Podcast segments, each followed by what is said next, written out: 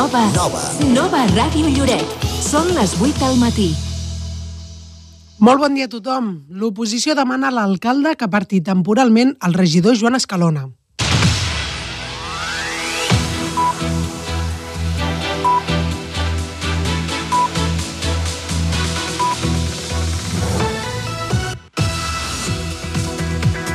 Els grups de l'oposició de l'Ajuntament de Lloret de Mar, que tots, Esquerra i Sumem, demanen a l'alcalde Adrià Lameles que parti temporalment Joan Escalona del PSC com a regidor de Mobilitat i Salut de l'equip de govern.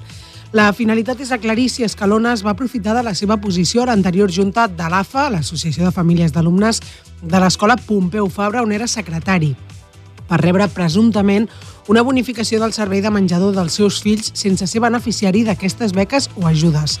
Parlarem de la petició amb una portaveu dels tres grups de l'oposició, Lara Torres, líder de Sumem Lloret. Des de la ràdio hem contactat amb el PSC, però per ara el partit, de fet, ha declinat fer declaracions al respecte d'aquesta polèmica.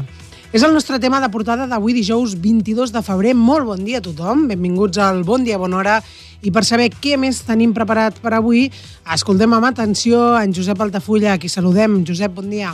Bon dia, Maria. Traca Teatre s'estrena aquest diumenge als escenaris amb la representació de l'obra La maldició de la gallina parda.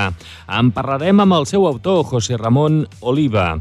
I també entrevistarem a la presidenta de Pas a Pas, Eva Palau, perquè els diners que recaptin amb la funció es destinaran a l'associació que ajuda infants amb autisme.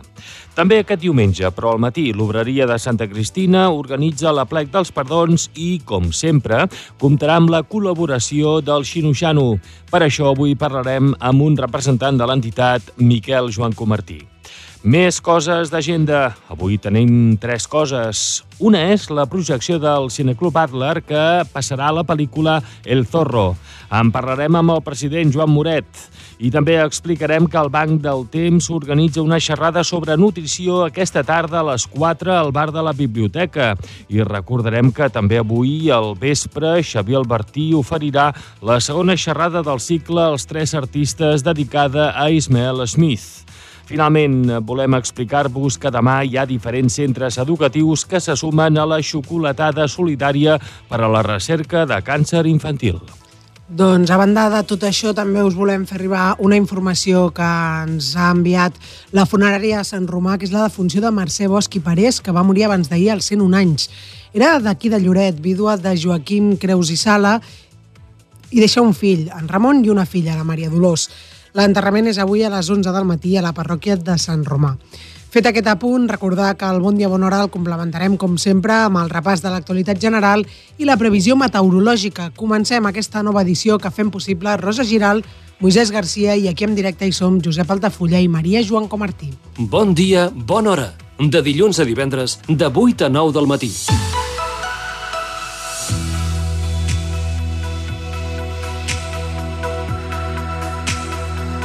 En Xavi Segura és l'encarregat de fer-nos arribar cada dia a aquesta hora, són ara gairebé les 8 i 4 del matí, a la informació meteorològica. Xavi, què ens expliques? Molt bon dia. Bon dia. Aquest dijous les temperatures tocaran sostre entre vent reescalfat de Garbí que farà pujar encara més els termòmetres de forma transitòria i tindrem una màxima d'entre 18 i 20 graus. Per tant, pic d'aquesta atípica primavera amb un ambient totalment fora de lloc per les dates i tot plegat amb sol combinat amb alguns intervals de núvols i ratxes moderades d'aquest vent de Garbí. Entre la nit matinada i les primeres hores del matí de divendres arriba aquest canvi important de temps amb risc d'alguns ruixats, fins i tot no es podria descartar alguna tronada dispersa aquí a la zona de Lloret, de tota la selva marítima, de fet, i aquesta inestabilitat es mantindrà encara durant el divendres sense descartar algun ruixat més durant el dia. Poca cosa en principi i sobretot el que notarem és un descens de les temperatures. Arriba aquesta massa d'aire clarament més fred d'origen polar que farà que els termòmetres baixin i la màxima se situarà entre 3 i 5 graus menys alta que les últimes hores. Per tant, un descens marcat que tindrà continuïtat de cara al cap de setmana. Tindrem un ambient més hivernal, sense cap fredurada, però el contrast serà marcat amb l'ambient tan atípicament primaveral que hem tingut aquests últims dies. I també hi haurà risc d'algun ruixat al llarg del cap de setmana, especialment dissabte, però en general s'espera poca aigua a l'espera de si la setmana vinent una borrasca ens podria portar més precipitacions. Moltes gràcies, Xavi. Doncs estarem pendents a veure com evoluciona i afegir que ara mateix aquí a Lloret tenim 13 graus de temperatura i la humitat se situa al 82%.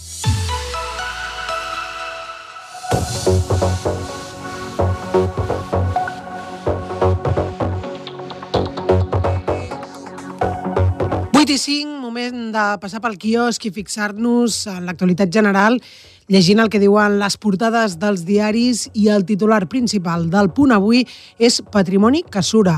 Hi ha una imatge de la barca Paca que ocupa pràcticament tota aquesta portada i la taranyina és la darrera que va sortir de les drassanes Sala de l'Escala i l'única pel que fa al seu disseny i ara es prepara per convertir-se en bé naval. És un reportatge que destaca avui en la portada del punt, però hi ha altres notícies. Per exemple, que els enginyers veuen en les desaladores mòbils una solució d'urgència mm, fent referència a la desaladora que es vol portar aquí a Lloret de Mar, entre altres. Desorientació als consistoris del litoral per les sentències contra el PDU.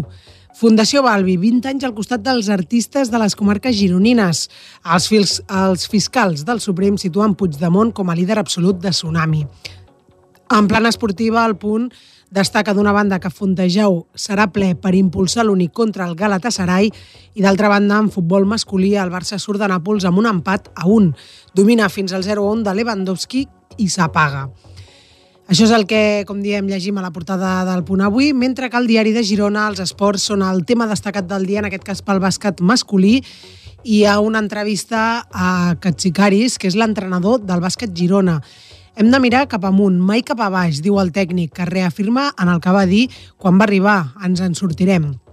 També en bàsquet pro femení, l'Uni exaureix les entrades per rebre avui el Galatasaray a l'Eurocup. I en futbol, Montilivi és el cinquè estadi més ple de primera divisió.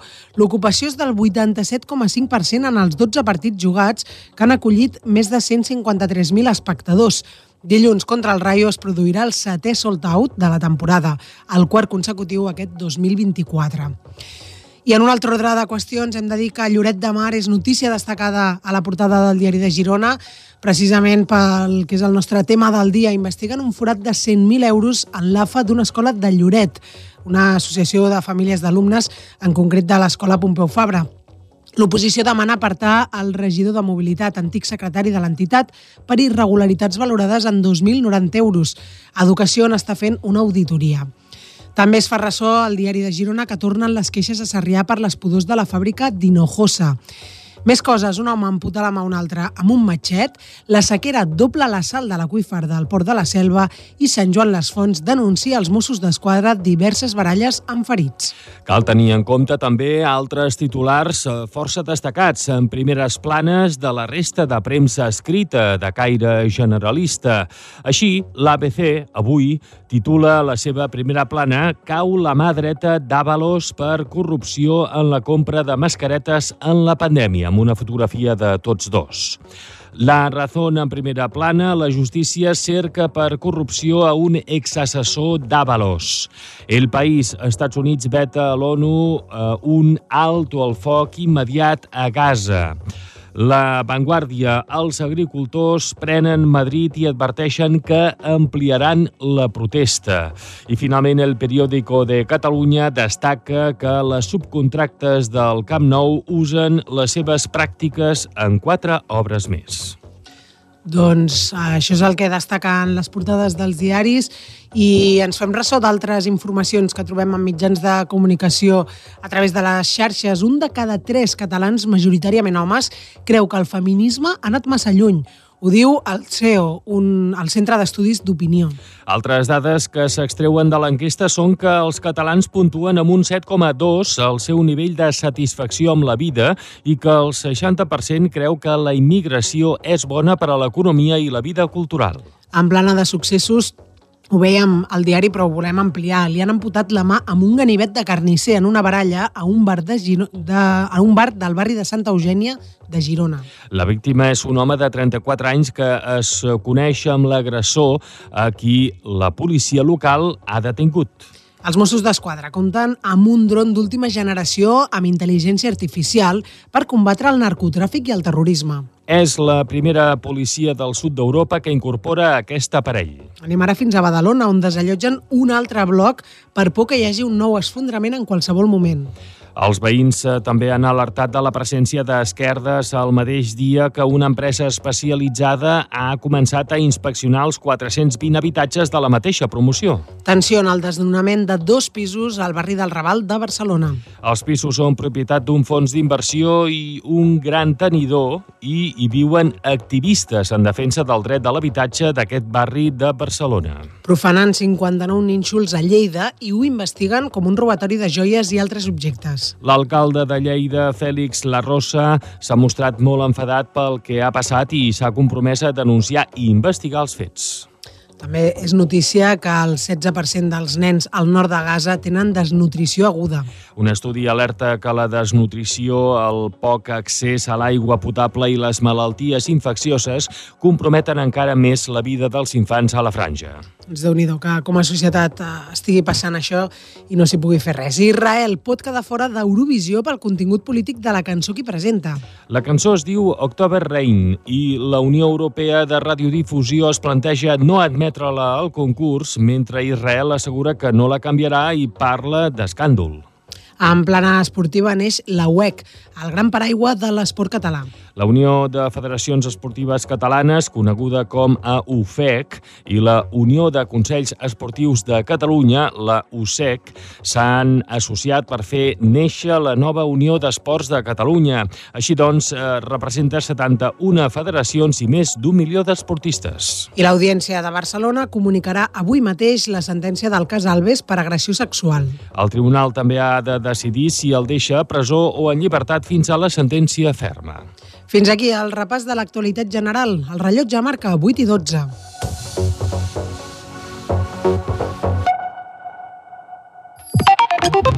Arriben les rebaixes a la tienda de l'Olin. Renova el teu armari i no et perdis l'oportunitat de lluir espectacular aquesta temporada.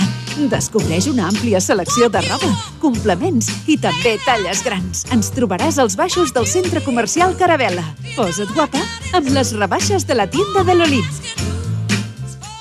Et sents esgotat física i mentalment? Atrapat en la rutina diària? Vine a Muscle Beach, al teu nou gimnàs. Entrena amb cotxes titulats en espais increïbles i totalment equipats amb més de 700 metres quadrats just a l'entrada de Mar Romeu. Descobreix la nova zona d'entrenament funcional. Apunta't ara i et regalem tot el que queda de febrer i la matrícula gratuïta. No t'ho pots perdre. Vine a Muscle Beach, al teu gimnàs a Lloret de Mar. Centre Mèdic Loreto. Obtenció i renovació de permisos de conduir, llicències d'armes, seguretat privada, animals perillosos, obtenció de targeta de residència, tot tipus d'esports i la tramitació gratuïta del permís de conduir. Tenim el servei de medicina general, pediatria, psicologia i fisioteràpia. Treballem amb les principals mútues. Centre Mèdic Loreto. Carrer Verge de Loreto 53, al costat de la Policia Nacional. Telèfon 972 36 96 12. Vols millorar la visualització del teu negoci? Cartelleria digital i pantalles LED d'interior i exterior a Víctor So. Instal·lació, manteniment i lloguer. Dirigit a comerços i negocis locals. Potencia el teu negoci i millora la teva marca amb les pantalles LED de Víctor So. Ens trobaràs a l'Avinguda Vila de Tossa 5052 de Lloret de Mar. Telèfon 972 36 41 14. A les empreses com a la vida cal posar nom al que fas i sents, perquè darrere de Fitel hi ha 20 anys en el sector de les telecomunicacions, amb més de 10 anys dedicat a ser l'operador internet a Lloret de Mar. I ara seguim avançant perquè més pobles de la comarca tinguin el mateix servei que tu. Perquè darrere de Fitel hi ha persones que fan de la seva feina la seva passió. I tu? Ja ets de Fitel? Fibra òptica i telefonia mòbil a Lloret de Mar sempre a prop teu. Cada dia a la tele, una hora o altra, allà on sigui els diaris, ens diuen que s'escalfa el planeta, que l'aigua s'està acabant, però això ens ho estan dient cada dia. I s'han donat compte que no tenim aigua, quan han obert l'aixeta ja no ha sortit aigua. El tema de l'aigua és importantíssim. Que Totes jo- les emergències creen aquesta discussió. Avui l'aigua, aprofitar l'aigua de pluja. Eh, fa uns anys que si els respiradors que no en tenim i la gent es mor. Eh, L'altre, fa uns més anys, la contaminació, la indústria dels afluents i tal, i correm i tots. Què passarà a l'estiu? Si, si continuem, que sembla ser que tingui aquesta... A l'estiu es consumeix molta més aigua i s'evapora molta més aigua. És que- I es consumeix, sobretot en els llocs com el nostre, moltíssima més aigua. No, no, però que a Catalunya tinguem problemes d'aigua no és nou. No és o sigui, nou. de... No, no. Els dijous, de 9 a 10 del matí, escolta la tertúlia ciutadana a la ràdio de Lloret de Mar. Nova Bon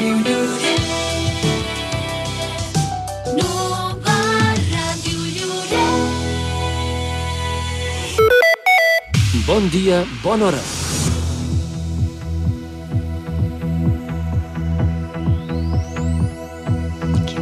Passa un minut ara d'un quart de nou del matí, som al Bon Dia Bona Hora de la ràdio de Lloret de Mar i avui el nostre tema del dia és eh, un comunicat que ha enviat l'oposició de l'Ajuntament de Lloret, en concret tots, Esquerra i Sumem, que demanen a l'alcalde Adrià Lameles que aparti temporalment Joan Escalona del PSC com a regidor de Mobilitat i Salut de l'equip de govern. La finalitat és aclarir si Escalona es va aprofitar de la seva posició a l'anterior junta de l'AFA, de l'Associació de Famílies d'Alumnes de l'Escola Pompeu Fabra, on era el secretari, per rebre presumptament una bonificació del servei de menjador dels seus fills sense ser beneficiari d'aquestes beques o ajudes. Segons un comunicat dels tres grups de l'oposició, hi ha indicis que aquests fets haurien passat en el curs 2022-2023 i que existeix un document que acreditaria que Escalona va retornar a l'AFA un import de 2.000 euros després que se l'avisés que l'associació estava al corrent de les presumptes irregularitats. L'oposició ha presentat una instància a l'Ajuntament de Lloret per reclamar a l'alcalde que mogui fitxa en relació a Joan Escalona i també ha demanat informació al Consell Comarcal de la Selva sobre el llistat dels alumnes de l'Escola Pompeu Fabra amb beques menjador durant el curs passat. A banda d'això, tots, Esquerra i Sumem, han demanat una auditoria per saber com ha estat la gestió de l'anterior AFA del centre educatiu, ja que sospiten que el mal funcionament va més enllà. Segons el comunicat, la Generalitat ha assumit la petició i n'ha delegat les competències a la direcció del Pompeu Fabra. Aquí als estudis, com a portaveu dels tres grups de l'oposició, tenim a Lara Torres, que és la líder de Sumem Lloret. Molt bon dia. Hola, molt bon dia, Maria. Per què es demana que s'aparti a Joan Escalona com a regidor? Doncs bàsicament perquè hi ha indicis d'uns fets que s'han produït molt greus a la, a la gestió de l'AFA Pompeu Fabra, en els quals el regidor Escalona està implicat, eh, que eh, era el secretari, o sigui, no tenia un, un càrrec menor, i creiem que des de la política hem de donar exemple i bueno, creiem que el, el millor per la imatge de l'Ajuntament de la política en general doncs és que sigui apartat de les seves funcions fins que s'aclareixin 100% els fets. En tot cas, és segur que hi havia irregularitats? És a dir, està confirmat o s'està investigant? Uh, nosaltres no som jutges, uh, creiem en la divisió de poders i, per tant, no ens pertoca a nosaltres jutjar el que ha succeït o no. El que sí que és evident que això no és una cosa que ahir ens vam aixecar i vam dir, va, anem a dir això, sinó fa molts mesos que està sobre la taula, que ens hem reunit amb diferents pares i mares de, de l'Escola Pompeu Fabra, també amb, amb la nova AFA, i se'ns han ensenyat diferents documents que acrediten aquestes sospites que tenim.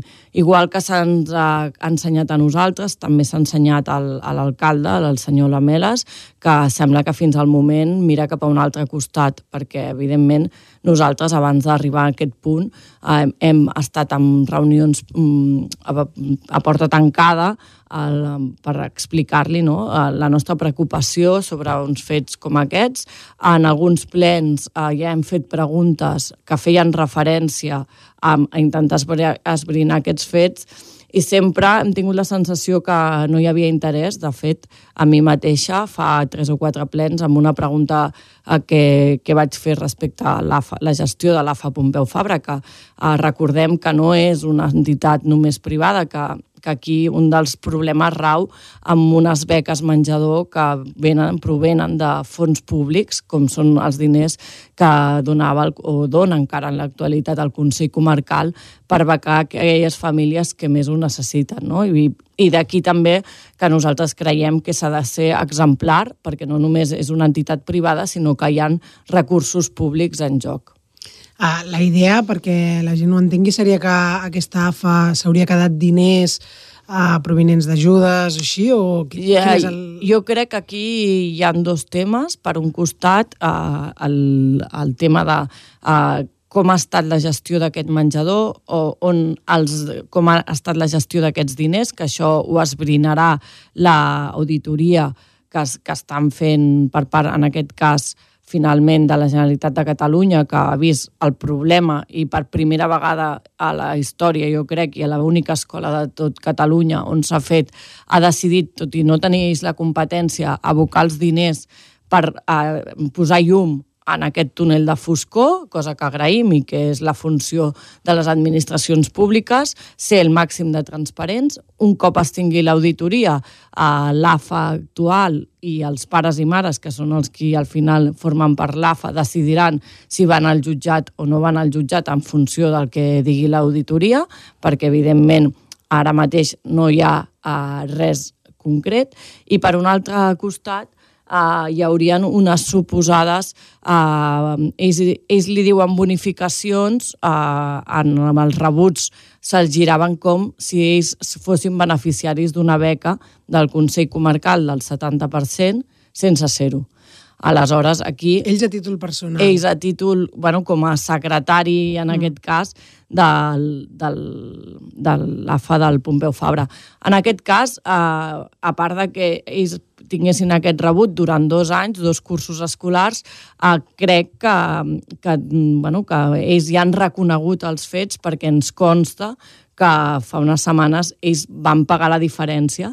Per tant, eh, en aquest moment, quan tu pagues, estàs reconeixent eh, el que has fet. Tot això, eh, presumptament, evidentment, com bé dèiem, nosaltres eh, no som jutges, però sí que som els representants de la ciutadania. I en aquest cas, quan existeixen més de 400 famílies afectades, eh, els diferents grups de l'oposició portem moltes setmanes que ens para gent pel carrer i ens diu com no ens ajudeu, com no feu res respecte a aquest tema, com no doneu llum, vosaltres que teniu els altaveus per fer-ho, perquè s'aclareixin els fets i perquè al final no són diners d'uns propis, sinó són diners de tots els pares i mares i de tots els nens i nenes d'aquesta escola doncs, eh, l'acció que s'ha fet des de l'oposició és demanar aquest apartament com a mínim temporal de Joan Escalona. Eh, s'ha rebut alguna resposta? No, no, no s'ha rebut cap resposta i és més, ahir a la tarda mm, vam tenir junta de portaveus que a diferència de les altres eh, que sempre les fem a les 4 i després fem les comissions informatives, aquest cop la convocatòria era diferent. Primer teníem les informatives i a la darrera era la junta de portaveus pensant-nos que eh, quan la Junta de Portaveus s'allargaria i que l'alcalde aprofitaria el moment per donar-nos explicacions de per què està actuant així o què, i uh, l'alcalde no, no, va, no té res a dins um, sorprenentment i continua mirant cap a un altre costat. De fet, ara abans de venir llegia les notícies de diferents mitjans que s'han fet ressò i en una d'elles posava clarament que havien intentat contactar amb l'alcalde de Lloret de Mar, el senyor Lameles i el senyor Escalona, i que cap dels dos havien volgut fer declaracions. Uh, insistim, nosaltres només volem posar el focus de la llum perquè s'aclareixin els fets. Uh, no som jutges i, per tant, no ens pertoca a nosaltres determinar el que ha passat, però sí que nosaltres, igual que l'alcalde i els altres portaveus del govern, han vist amb els seus propis ulls la documentació que, bueno, que té indicis cap al que estem verbalitzant. Doncs hem de dir que aquí a la ràdio també hem contactat amb l'equip de govern. Per ara han declinat fer declaracions al respecte. Eh, veurem què és el que acaba passant, si s'acaben pronunciant. Evidentment, nosaltres doncs, ens en farem ressò i agraïm molt a eh, totes aquestes explicacions, en aquest cas com a representant de tres grups de l'oposició, tots Esquerra i Sumem Lloret, amb Lara Torres, portaveu de Sumem Lloret. Moltes gràcies per passar per la ràdio. Bon dia. Gràcies a vosaltres, bon dia.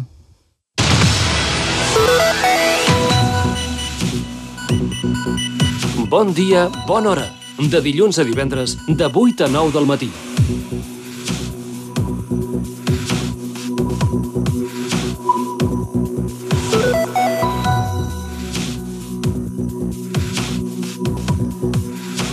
Cinc minuts i seran dos quarts de nou. Canviem ara de tema perquè aquest diumenge s'estrena La maldició de la gallina parda, el debut als escenaris de la nova companyia de Lloret de Mar Traca Teatre. L'obra, escrita per José Ramón Oliva Alonso i dirigida per Enzo Poblete, recaptarà diners per l'associació Pas a Pas, que ajuda els infants amb autisme i les seves famílies. A la maldició de la gallina parda, els protagonistes es troben per viure experiències sobrenaturals o no que desencadenen en una sorpresa rere l'altra. Una història d'horrors i errors que, segons el director, farà riure al públic de valent. un thriller cómico, nada gore, o sea que eh, para toda la familia es la excusa perfecta para pasarlo bien, tanto desde el patio de butacas como desde el escenario, porque tienes esa, ese reto, ¿no? De, de- pronto tener que ir tan deprisa contando, explicando cosas y te pasas en ese, en ese giro de tuerca y llegas a la comedia. Y eso está muy chulo, porque es un, es un juego en donde todo la, la podemos pasar súper bien. Les entrades valen 8 euros i els diners que es recaptin, com diem, es destinaran a l'associació Pas a Pas, que treballa amb infants amb autisme. La representació es farà al Teatre Municipal aquest diumenge a les 6 de la tarda. Les entrades es poden comprar al local de GTC Serveis a la plaça Catalunya, al barri de Can Carbó. Qui no pugui assistir a l'espectacle pot col·laborar amb la causa a través de l'anomenada Fila Zero. Parlem primer amb l'autor de l'obra, que és José Ramón Oliva. Bon dia, muy buenos días. Hola, buenos días. Explícanos un poco de qué va la obra que tiene este título que, que llama tanto la atención, ¿no? La, la maldición de la gallina parda. Sí, eh, bueno, eh, la- el título es un poco chocante porque es la traducción literal de, de la obra de la obra escrita en asturiano. Yo soy asturiano, eh, que se llamaba La maldición de la pitarrosia. Eh, la pitarrosia es, una- es un tipo de gallina muy común aquí en, en Asturias, que se llama así pitarrosia. Y la traducción literal al castellano es eh, gallina parda, entonces, bueno, por eso, digamos, el, el título es, es así chocante. Igual que en Asturias suena muy normal lo de la pitarrosia, fuera puede que suene un poco más raro lo de, lo de la eh, gallina parda. Eh, la obra eh, es un- está, digamos, eh, es una especie de pequeño homenaje en clave de humor a, a la ratonera de, de Agatha Christie. Eh, Es un- una típica obra eh, de, cierto misterio donde se van muriendo las personas una a una, el público no sabe eh, quién puede ser el asesino, eh, hay una maldición de por medio, que es la maldición de la, de la gallina parda precisamente. Y, y todo pues, pues con humor, con humor. Es el tipo de teatro que yo, que yo escribo. O sea, yo creo que la gente que, que lo va a pasar bien, igual también lleva algún susto, no digo yo que, que no, pero, pero vamos, la obra está hecha desde, desde el humor. Y José Ramón, claro, eh, cuando, por ejemplo, se escribe una novela, mm, cada lector tiene su, su imaginario y tú no puedes saber cómo se la imagina cada, cada lector en sí. Pero claro, una obra de teatro luego se lleva a escena, eh, entonces... ¿Te gusta ver cómo los directores lo aplican en el escenario y quizá, eh, no sé, lo, lo presentan de una manera que tú no te habías planteado, que te llama la atención? Sí, bueno, la verdad es que yo, yo tengo, tengo un, grupo amateur. Normalmente, bueno, las obras que, escribo, la, mayor parte, eh, las representamos primero, primero nosotros, o bueno, algún grupo, otros grupos asturianos eh, conocidos. Eh, y sí, sí que me llama mucho la atención, además me gusta mucho, eh, suelo acudir a todos los, vamos, a todos los estrenos de grupos que ponen obras mías, porque efectivamente, eh, de como normalmente me imagino yo las, las obras cuando las escribo, o como yo las planteo en, en escena cuando las represento, a después como las veo en, en otros grupos, eh, eh, hay muchísima diferencia. Y bueno, ya no te digo, eh, yo escribo en, en principio todas las obras las escribo en asturiano. Pues bueno, la, algunas las traduzco al castellano, las que veo que son más factibles de, de poder ser representadas eh, fuera de Asturias. Eh, entonces ya no te digo la diferencia ya no solo del montaje, sino incluso del propio, de la propia manera de hablar, del, del propio lenguaje. Eh, la verdad es que, que me llama mucho, que me llama mucho la atención y me gusta, y me gusta mucho ver a, a los grupos que representan mis obras para ver eso cómo las, cómo las plantean. ¿Y podrás estar en Lloret este fin de semana? No. Estamos Vaya. un poco lejos. Si me quedase un poco más cerca, no te digo yo que no, pero, pero no, pero bueno, eh, habrá, habrá, habrá otras ocasiones. Ellos eh, ¿Pero qué te parece que, una vez por aquí otra- o, o yo iré por allá. qué te parece que un grupo de Lloret de Mar haya escogido eh, una obra tuya? Eh, hombre, la verdad es que bueno, me siento muy, muy, muy orgulloso, vamos, de que, de que grupos, eh, vamos, de fuera de Asturias eh, cojan obras mías, porque bueno, aquí en Asturias, digamos que ya tengo, ya, bueno, soy, soy algo conocido, pero la verdad es que fuera de fuera de Asturias no, no, soy tan tan conocido. Entonces la verdad es que por un lado me sorprende vamos que, que- acaben dando con eh, conmigo a pesar de que bueno yo tengo todas mis obras colgadas en, internet a libre disposición de todo el mundo o sea que cualquiera pueda acceder a ellas y, representarlas no, no las vamos no, no hay ninguna dificultad para hacerse con ellas pero bueno al final eh, sí, sí que siempre me, me sorprende que, que- grupos eh, que realmente no me conocen eh, opten por obras mías, pero vamos, encantado. Yo bueno, siempre dije, siempre dije que el teatro se escribe para ser representado, o sea que, que, vamos, feliz, feliz de que escojan mis obras y, de que las lleven a escena. Pues esperemos que, que vaya muy bien, que el público ría mucho, que seguro que sí, este domingo. Y José Ramón Oliva, a ver si lo digo bien, no sé si en asturiano sería muchas gracias a Maguestu. Mm, Muchas gracias, perfecto. Bueno, la pago estoy ahí otra cosa, pero muchas gracias, eh, perfecto. Está, Y bu- buenos días, ¿cómo sería? eh, buenos días. Ah, buenos días. Uy, pues es que lo he mirado por internet y mal, mal. Buenos días. Pues eh, muchas gracias, buenos días y que vaya todo muy bien. Un abrazo. Pues otro abrazo para vosotros. Muchas gracias. I seguim parlant d'aquesta representació que es farà, com diem, aquest diumenge amb Traca Teatre, La maldició de la gallina parda, aquest grup eh, nou de teatre de Lloret de Mar, que recaptarà diners per Pas a Pas, l'associació de Lloret de Mar que ajuda infants amb autisme i les seves famílies.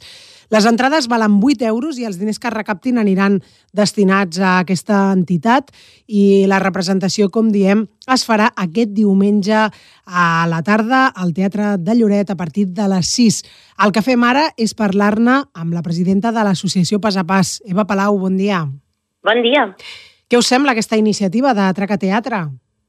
Doncs fantàstic. Uh, primer de tot perquè és una gent meravellosa, amb ganes de passar-ho bé i de fer-ho passar bé als altres, i ja només per això ja és una iniciativa doncs, superpositiva i a més a més doncs, sensible a, bueno, a les entitats que tenen properes i en aquest cas doncs, han pensat en nosaltres doncs, per, bueno, per ser beneficiaris del que recaptaran aquest diumenge al teatre i per nosaltres doncs, doncs, bueno, tota, tot el que sigui en primer lloc doncs, eh, donar visibilitat a la nostra tasca i a més a més doncs, eh, donar suport als nostres projectes a nivell econòmic doncs, eh, ho, agraïm, ho agraïm molt. Perquè, Eva, recorda'ns una mica quina és la feina que feu. Doncs mira, nosaltres som una associació de famílies eh, que tenim doncs, fills dins l'espectre de l'autisme. Eh, abarquem, l'autisme és una condició de vida i doncs, eh, dins de les dificultats, les àrees de, afectades de, que tenen les persones amb autisme, doncs eh, hi ha diferents graus de, de, de suports que necessiten, no? però al llarg de la vida doncs, necessiten doncs, acompanyament, necessiten les famílies també orientació, eh, tenim aquest projecte d'acompanyament de les famílies, de sensibilitzar el nostre entorn, perquè encara hi ha molt desconeixement del que és l'autisme, eh, i evidentment un, un, un dels serveis que actualment té molta demanda i hi ha molta necessitat és el servei de teràpia. Estem actualment atenent a 43 nois i no, noies d'entre 2 i 14 a 15 anys. I la veritat és que el centre se'ns està quedant petit I bé, això ho, ho vivim d'una manera positiva perquè sabem que almenys aquesta, aquest, aquestes persones doncs, estan rebent una bona atenció, una atenció especialitzada, però, però bueno, ens, ens posem les mans al cap de pensar de que, de que des de l'administració no vegin aquesta realitat no? i que hàgim d'estar suplint doncs, aquesta tasca que crec que no ens pertocaria fer i que les famílies al final hem hagut de, de buscar a buscar-nos la vida i, i donar el que necessiten els nostres fills. Creus que això canviarà, que l'administració reaccionarà i, i s'hi posarà o esteu reclamant-ho?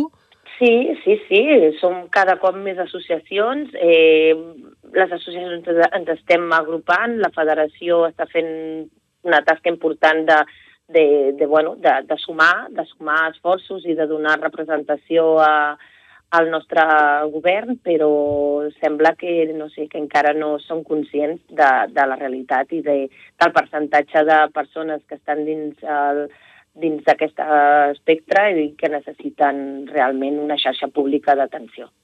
I Eva, vosaltres eh, ja fa uns quants anys que funcioneu eh, fent aquesta feina que malauradament, com comentes, doncs no es fa des de l'administració i heu de suplir aquest buit, però de la trajectòria de l'entitat, quina valoració en fas? Perquè eh, des de fora almenys la sensació és que li heu donat moltíssima visibilitat a aquesta problemàtica i que sou una mica referent.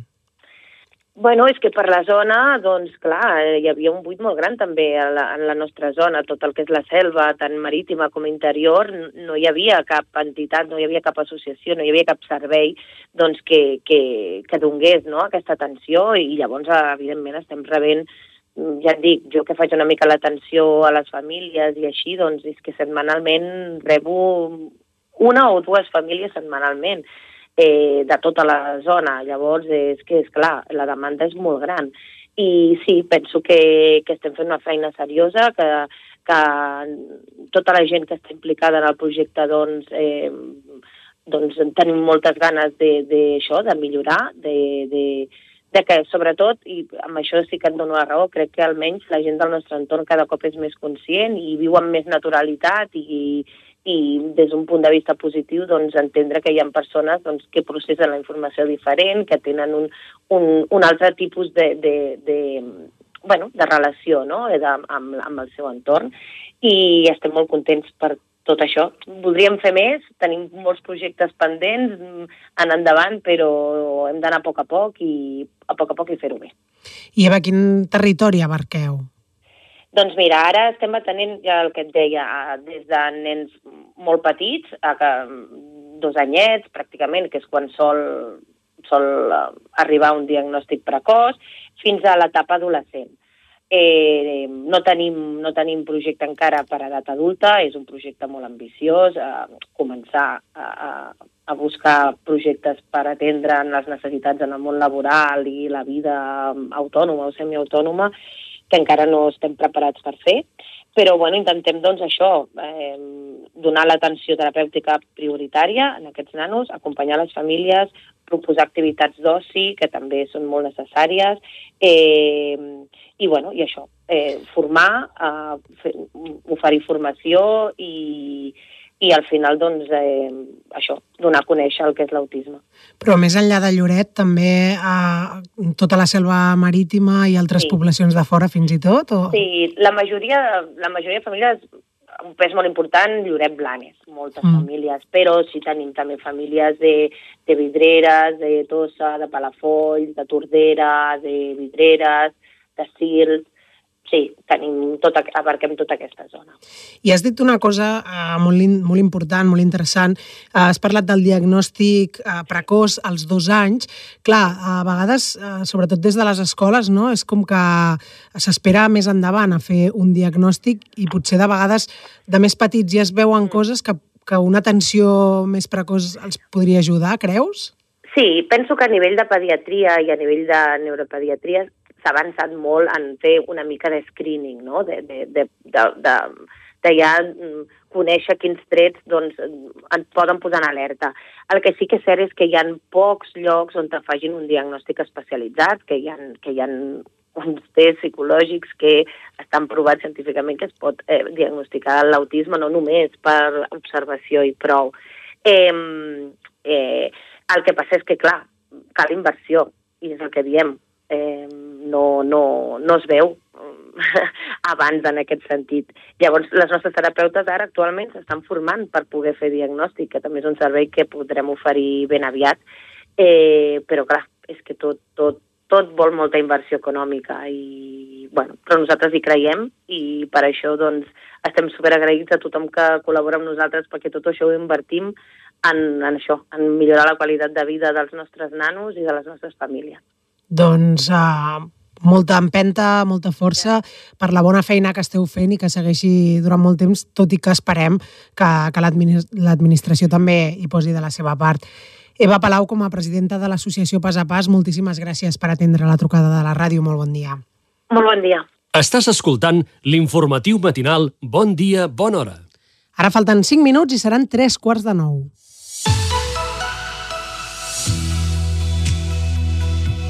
Estem a tocar del cap de setmana i volem saber tots els detalls de la previsió meteorològica, com es presenta aquest dijous i aquests dies. Xavi Segura, bon dia. Bon dia. Aquest dijous les temperatures tocaran sostre. Entra vent reescalfat de Garbí que farà pujar encara més els termòmetres de forma transitòria i tindrem una màxima d'entre 18 i 20 graus. Per tant, pic d'aquesta atípica primavera amb un ambient totalment fora de lloc per les dates i tot plegat amb sol combinat amb alguns intervals de núvols i ratxes moderades d'aquest vent de Garbí.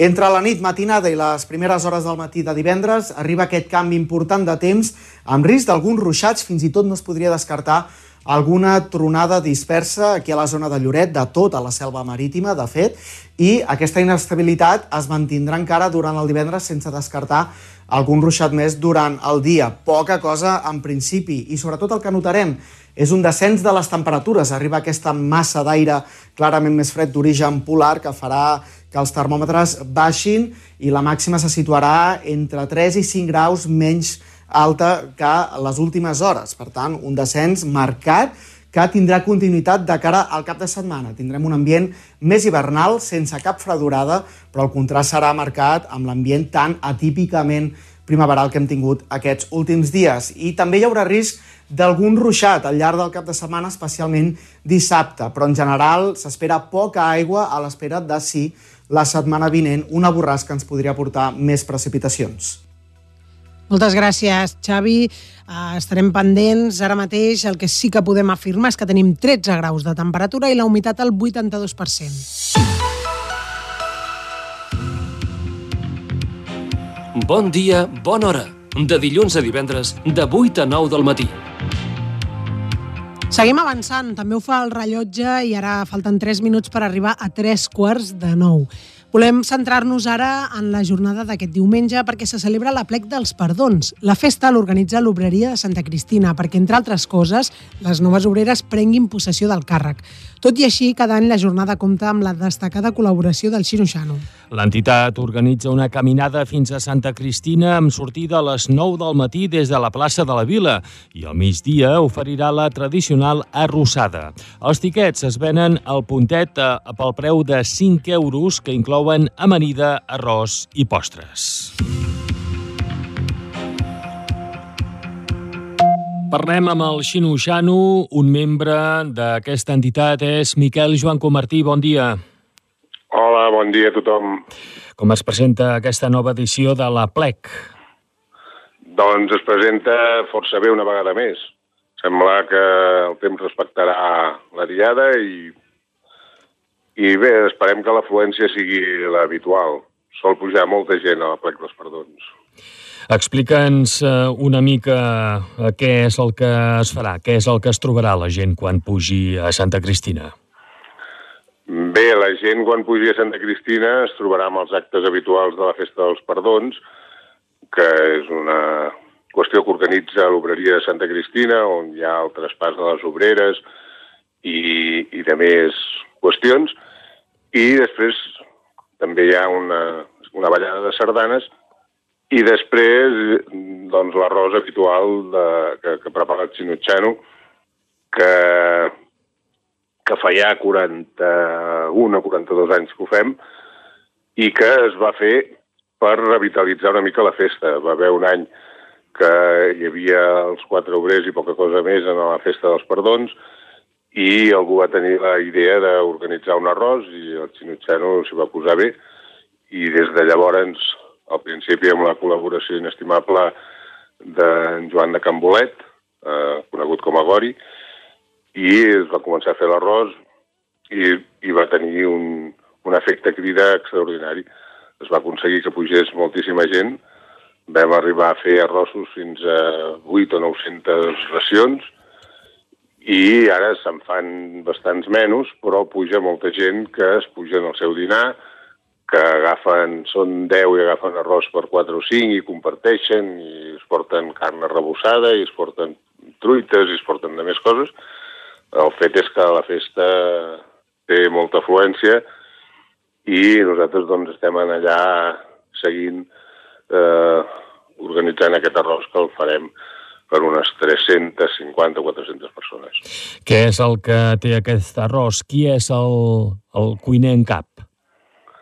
Eh, habitualment, aquests últims anys me n'he ocupat jo de portar la- l'organització. Aquest any, per qüestions familiars, sóc fora, però vaja, el Xinutxano té molta gent i hi haurà delegats que ho faran perfectament entre uns i altres. Té quelcom especial, aquest arròs? Bé, és un arròs que podríem dir-ne de campanya, que porta carn i porta peix, porta cap de costella, porta conill, porta salsitxa, porta sèpia, porta gambes, porta musclos i, en fi, porta una mica de tot. És el que se'n se diu arròs de campanya o arròs de camp i que, sobretot, es fa molt de carinyo. Eh, suposem que des de bon matí, no?, que els preparatius són els essencials. De fet, els preparatius, tot i que ho tenim molt per la mà perquè ho hem fet durant molts anys, els preparatius els comencem divendres. Divendres al matí comencem a treballar per fer el sofregit, per preparar tots els productes que s'hi hauran de posar, que estiguin tots a punt, i ho deixem tot, eh, tot a punt de, de, de, tirar la, de tirar la paella. I, lògicament, el diumenge, a primera hora, a les 7 del matí, ja es comença a organitzar tota, tot, tot l'espai per tenir doncs, els focs a punt, les paelles a punt, i perquè doncs, cap allà a quarts de dues o les dues pugui estar l'arròs acabat.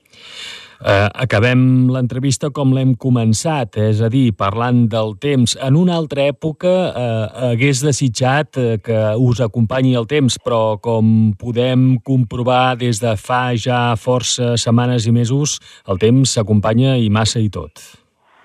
Sí, de, està passant això, que com que hi ha aquesta, aquesta època de sequera, si plou, doncs benvinguda sigui la pluja i, i és qüestió d'adaptar-se. El que passa que podria ploure el dissabte i podria ploure el diumenge a la tarda, que l'aigua s'aprofitaria igualment i, i la festa es podria fer també perfectament bé. De totes maneres, insisteixo, si plou, benvingut sigui i ja s'adaptarà a la situació en el, en el temps que faci. Miquel, eh, que tinguem una bona plec dels perdons aquest diumenge tots plegats. Doncs bona plec dels perdons i recordar que qui vulgui pujar encara hi és a temps, pot anar al puntet a comprar el tiquet i, i venir a gaudir de la festa.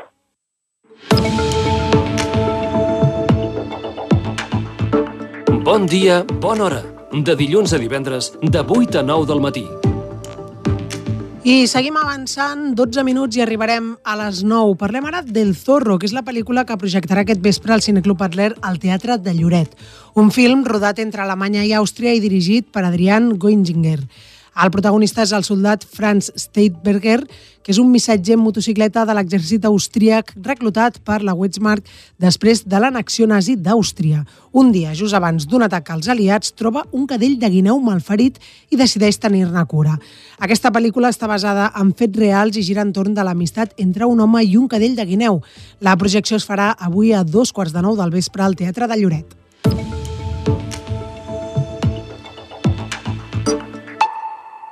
Parlem amb el president del Cineclub Adler, Joan Moret, bon dia. Hola, bon dia. Què en destacaries d'aquesta pel·lícula?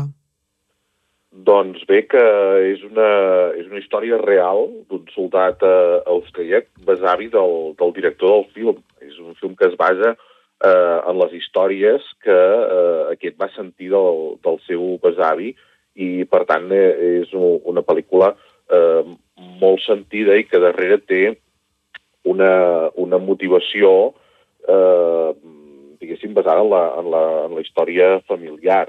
Eh, el, el besavi del, del director va tenir una infància molt, molt difícil i ell volia mostrar com eh, es pot ser feliç malgrat eh, partir d'una infància terrible. Mm. I per què l'heu escollit per projectar-la al Cineclub?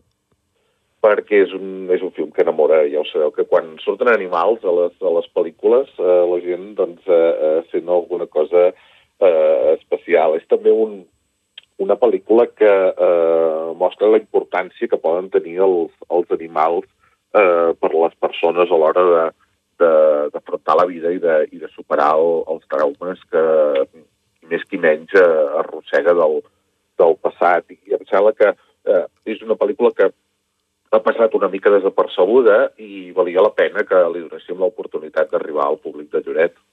I Joan, què en diries d'Adrián Goinzinger com a director?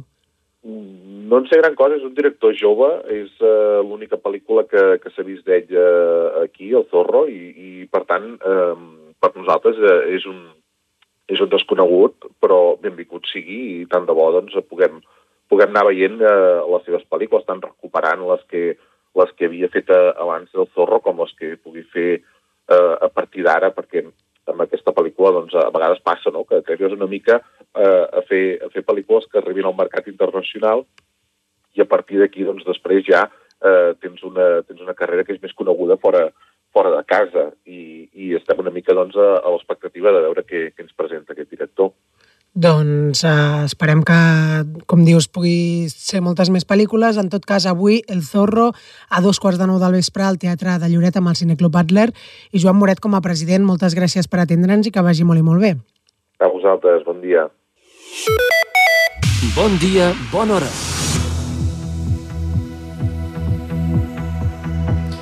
Vuit minuts i seran les 9 i tenim més agenda per avui dijous. Comencem parlant del Banc del Temps, que organitza una xerrada sobre nutrició aquesta tarda.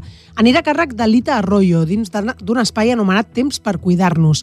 Una representant del Banc del Temps, Mari Carmen La Vega, explica en què consistirà la xerrada que està oberta a tothom. Una charla que nos ayudará a mejorar los hábitos alimentarios y nos enseñará a elegir lo mejor posible nuestra alimentación para tener una buena nutrición. Pensamos que como un complemento a nuestros talleres de Cuinas del Mon, puede sernos de utilidad y aprender a cocinar y escoger bien los alimentos que tomamos. Pensamos que como un complemento a nuestros talleres de Cuinas del Mon, puede sernos de utilidad y aprender a cocinar y escoger bien los alimentos que tomamos. La conferència sobre nutrició organitzada pel Banc del Temps es farà avui dijous a les 4 de la tarda al bar de la biblioteca. I també avui nova conferència de Xavier Albertí, aquest vespre en el marc del cicle Els tres artistes. En aquesta ocasió, la xerrada girarà entorn a la figura d'Ismael Smith, autor d'una de les obres més interessants del cementiri modernista de Lloret de Mar, l'escultura del Panteó de la família Camps i Nonell. Aquesta escultura pren la figura d'una dona amb els braços plegats damunt del pit, amb els ulls tancats i envoltada d'un roser que adopta la forma de creu. Una obra que recrea l'atmosfera d'un somni i que, segons els experts, és de gran bellesa i transmet una gran serenor. Xavier Albertí destaca la importància d'Ismael Smith com a escultor.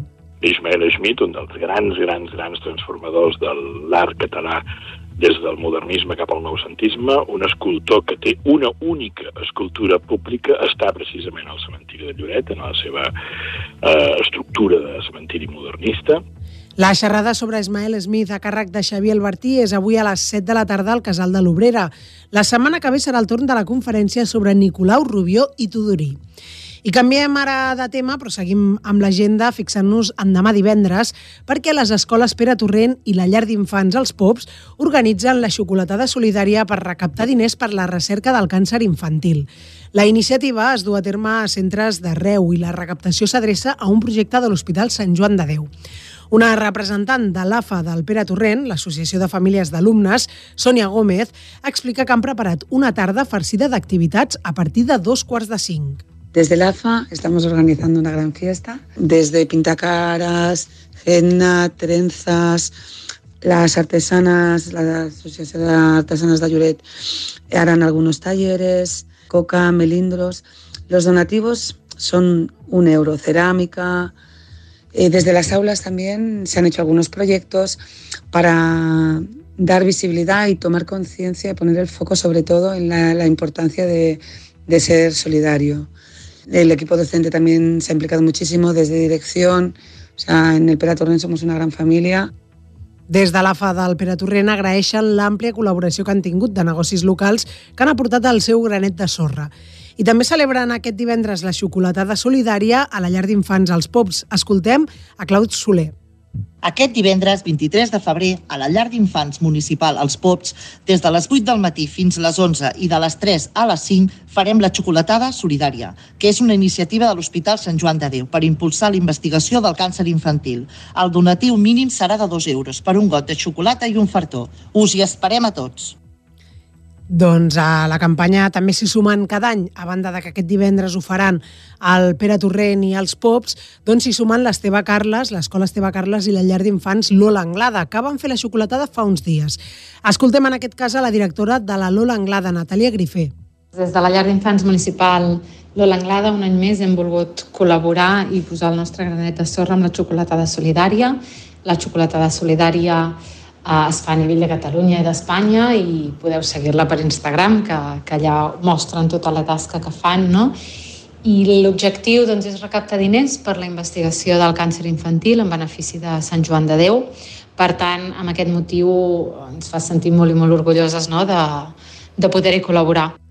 La xocolatada solidària de l'Hos- eh, solidària amb l'Hospital Sant Joan de Déu per la recerca del càncer infantil s'organitza cada any en centres educatius d'arreu de Catalunya i de l'estat espanyol.